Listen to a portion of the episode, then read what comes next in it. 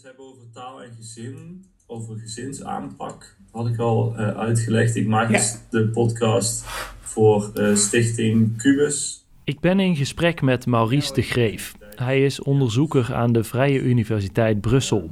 Zijn team onderzoekt de impact van leren. Nou, mijn naam is Maurice de Greef. Ik ben verbonden aan de Vrije Universiteit Brussel. In de afgelopen tien jaar heeft Maurice 150 onderzoeken gedaan, onder meer bij leertrajecten voor laaggeletterden. Ja, wat we doen is dat we eigenlijk een, een voor- en een nameting onder deelnemers doen in verschillende regio's in het land, maar ook in andere Europese landen. En dan kijken of zo'n deelnemer vooruit is gegaan um, um, op, de doelstellingen van het leertraject. dus kan iemand beter de taal hanteren of het rekenen of, uh, is iemand of de digitale vaardigheden. En heeft iemand daarnaast een betere plek in de samenleving of op de arbeidsmarkt gekregen. Het onderzoek richt zich vaak op basisvaardigheden. Dat zijn vaardigheden die iedereen in Nederland moet hebben om goed mee te doen in de maatschappij. Rekenen, schrijven en omgaan met het internet horen daarbij. Maar ook lezen en voorlezen. De impact die het heeft als je dat niet kan en als je kind je corrigeert en zegt dat staat er niet, die impact is heel groot. Dus ik denk dat het heel goed is dat ouders daarin begeleid worden om ervoor te zorgen dat iedereen, elke ouder de kans krijgt om voor te lezen. Als de kinderen naar buiten gaan, ja, dan willen ze toch graag voorlezen. Ja, dat deed papa dus nooit, dat deed mams altijd. Je hoort Jos Niels. Hij is tot zijn vijftigste laaggeletterd. De achtergrondmuziek die je hoort komt uit het filmpje van Stichting Lezen en Schrijven, waarin Jos zijn verhaal doet. Tot op een gegeven moment uh, mama niet thuis was en papa de kleinzoon of de zoon naar bed moest brengen. Dus hij lag op bed en ik zei van nou papa zal eens iets moois vertellen. En we pakten het boekje van Kabouter Plop en ik begon echt een verhaaltje te vertellen wat hij die dag meegemaakt had. En zit je papa, zegt je, maar dat staat daar niet hè? Ik zei nee, staat er? Nee, zegt hij en hij pakt het boekje af, vier jaar oud, kon nog niet lezen. En die begon mij eventjes je boekje voor te lezen. Ja, en dan is het natuurlijk wel even het hek van de dam. Als het dan klaar is, dan ga je de trap af en dan heb je toch wel heel veel moeite, want jij kunt iets niet, jij bent dom. Weet je, de basisreden dat we hier zijn op aarde is om, uh, om gelukkig te zijn en de dingen te kunnen doen die je heel graag doet. Um, en als dat niet kan, doordat je niet optimaal de kans hebt gekregen om uh, uh, die vaardigheden aan te leren die je daarvoor nodig hebt, en daardoor automatisch niet de kansen krijgt die een ander wel krijgt, um, ja, dat vind ik, dat is een bepaald onrechtvaardigheidsbeginsel. En dat vind ik heel erg dat dat er is. Welkom bij de vierde aflevering van deze podcastserie. Ik ga in deze podcast op zoek naar de gevolgen van laaggeletterdheid binnen een gezin. Want laaggeletterdheid wordt vaak doorgegeven van ouder op kind. Het is een visieuze cirkel. Mijn naam is Thijs van Litsenburg en in deze aflevering ben ik in Bergen op Zoom. Daar hebben ze namelijk een geheim recept waarmee ze de laaggeletterdheidscirkel proberen te doorbreken.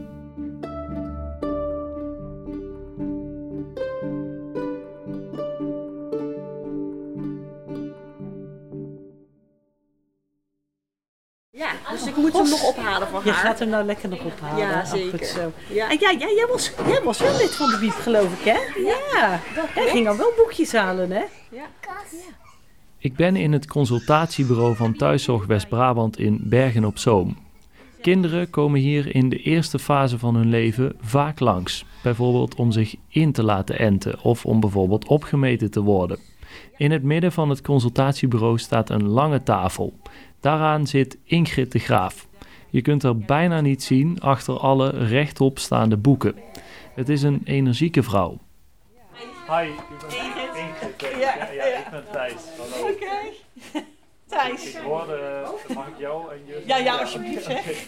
Ingrid is boekstartcoach. Ze ligt ouders die hier met hun kinderen komen in over de bibliotheek en over het belang van lezen.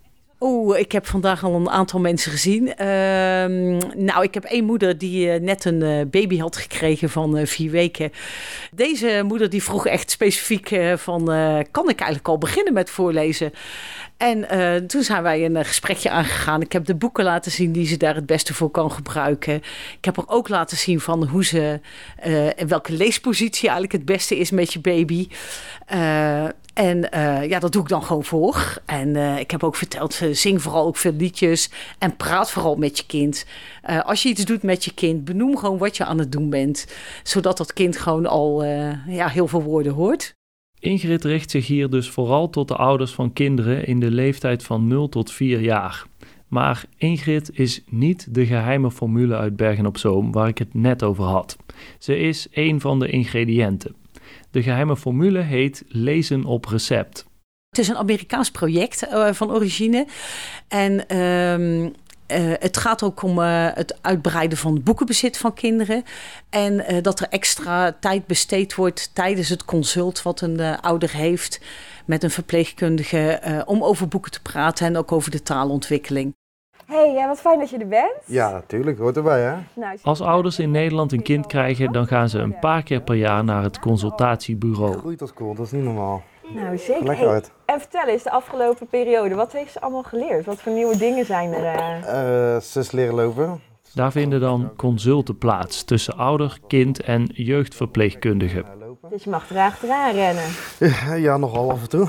Tijdens zo'n consult gaat het over de ontwikkeling van het kind. Kan het kind bijvoorbeeld al lopen? Hoe gaat het met praten? Slaapt en eet het kind al goed? Ze kletsen, ja. Die, hey, maar eh, kletsen dus? Ja, die begint, begint steeds meer woordjes te krijgen. Eh, wat goed. Wat dus ontdekken. Je begint er ook al een beetje te begrijpen? Of? Dit soort consulten zijn vaak te kort om het belang van taal aan te stippen. En precies daarmee maakt de pilot lezen op recept korte metten. Als ouders zeggen we, goh, ik worstel ermee, want uh, mijn kind uh, neigt toch meer naar een smartphone of een tablet. Of uh, nou ja, het is altijd een strijd dat voorlezen. Dit is Boutjouw Andriessen. Ze is jeugdarts op het consultatiebureau in Bergen op Zoom en de aanjager achter het project. Wij geven op het consultatiebureau heel veel adviezen over, nou ja, wat kun je als ouders doen om je kind in de motoriek te stimuleren? Bijvoorbeeld door het op de buik te laten spelen een paar keer per dag. En zo zou voorlezen ook eigenlijk onderdeel moeten uitmaken van, van de verzorging, van de opvoeding van je kind. En om daar tijd voor vrij te maken zijn de consulten hier dus voortaan langer. Mogelijk gemaakt door subsidie van de gemeente. We hebben hier ook hele leuke boekjes neergelegd. Zoals het kiekeboeboekje en het aanwijsboekje. Hoe doen jullie dat thuis? Uh, um, um, we doen ons best. Mm -hmm. Maar uh, vaak, vaak als we dan proberen voor te lezen, dan, dan of ze heeft geen aandacht. Mm -hmm. Of ja, dan ligt ze op bed en van, oh ja, hm, misschien hadden we nog voor moeten lezen. Dat was een van de eerste vragen die ik had toen ik hoorde van lezen op recept. Dat ik dacht, oh, maar gebeurt dat dan nog niet? Praat een uh, jeugdverpleegkundige tijdens zo'n consultatiegesprek nog niet over uh, lezen. Nee, we hebben het uh, in onze uh, gesprekken wel over de taalontwikkeling. Um, dus we beoordelen taalontwikkeling aan de hand van bepaalde vragen, maar ook door observatie kijken we wat kan een kind al op deze leeftijd en, en hoe, hoe ziet dat eruit. Um, Um, en afhankelijk van vragen van ouders ga je er wel eens op in. Maar uh, de jeugdgezondheidszorg is er niet primair op ingericht dat je ook al vanaf babyleeftijd uh, ouders voorlicht en stimuleert om, uh, ja, om dat te gaan doen. Dus het komt wel eens te sprake, zijdelings, maar het is niet ehm, structureel ingebed in de jeugdgezondheidszorg. Er is dus in de medische wereld structureel eigenlijk geen tijd om ouders in te lichten over het belang van taalontwikkeling. En dat terwijl uit recent onderzoek blijkt dat op dit moment 1 op de 3 15-jarige kinderen in Nederland laaggeletterd van school dreigt te komen. Nederland is meester in het bedenken van projecten. Daar zijn we echt heel goed in. En we zijn nog beter erin als een project heel goed is, dat we zeggen: ja, nou is het goed, dus het werkt, dus we stoppen. Dat zegt onderzoeker Maurice de Greef. Volgens hem kun je het geld beter steken in het creëren van een goede, vaste infrastructuur op het gebied van onderwijs en zorg. En juist op dat gebied onderscheidt lezen op recept zich. Want deze pilot duurt vier jaar. Genoeg tijd om gedegen onderzoek te doen naar de resultaten. Wat ik heel erg fijn vind van de gemeente Berg op Zoom, is dat ze dat ook gelijk financieren voor een aantal jaar. Want heel vaak is het maar een financiering voor een, uh, voor een jaar of een half jaar. Ja, en dan heb je keihard gewerkt. Maar in een jaar tijd kun je een cirkel niet gaan doorbreken. Je hebt gewoon meer jaren nodig uh, meer tijd nodig vooral om zulke dingen te kunnen doen. En, uh, ja, en dan hebben wij gewoon een hele fijne gemeente in de gemeente Bergen op Zoom, uh, die dat ook gewoon echt ziet.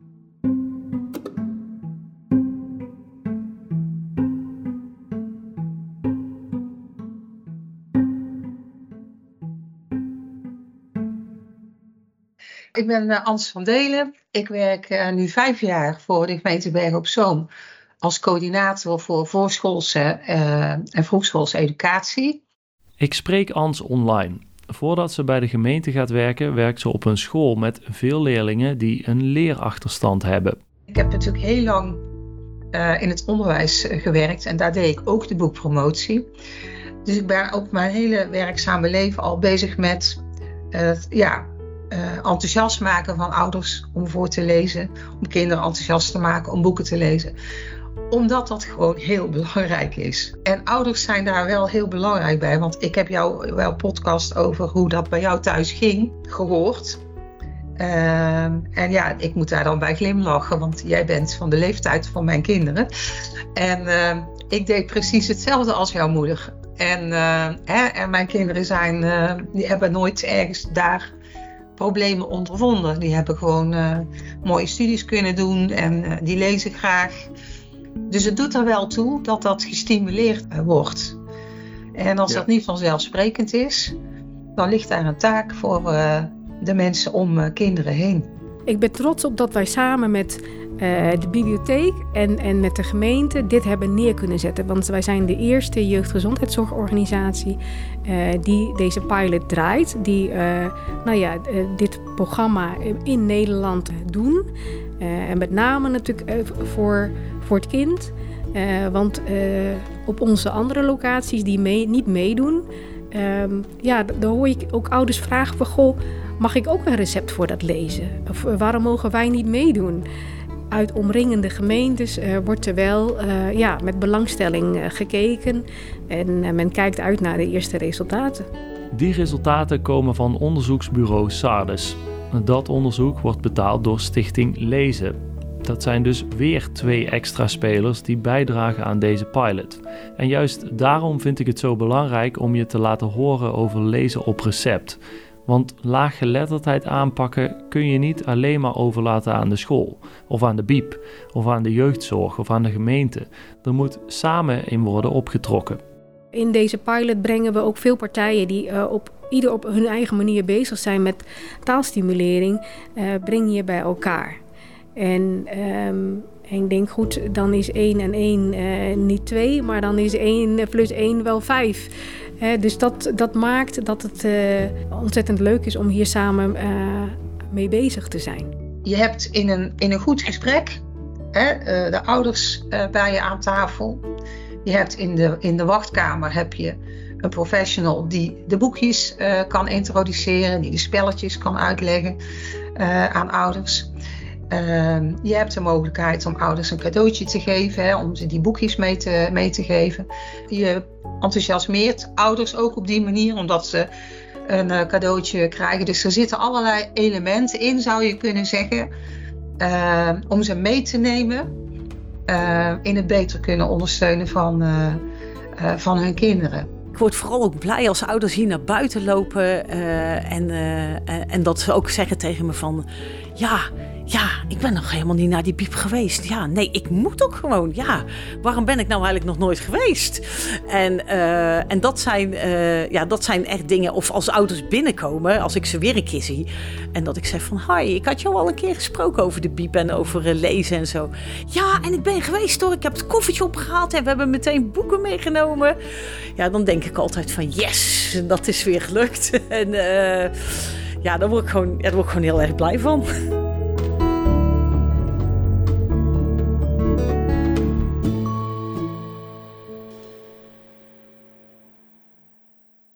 Aan het enthousiasme van Ingrid zal het succes van lezen op recept sowieso niet liggen. Zou dit dan het geheime recept zijn om de laaggeletterdheidscirkel te doorbreken? Het is denk ik in ieder geval een stap in de goede richting. Ik ben op de Taalbrug Junior in Eindhoven. Een school in het speciaal onderwijs voor kinderen die moeite hebben met communiceren. Ze zijn bijvoorbeeld slechthorend of hebben moeite met praten. Het kan allerlei oorzaken hebben, maar alle kinderen hier hebben een probleem op het gebied van communicatie. Mijn moeder werkt hier als adjunct-directeur.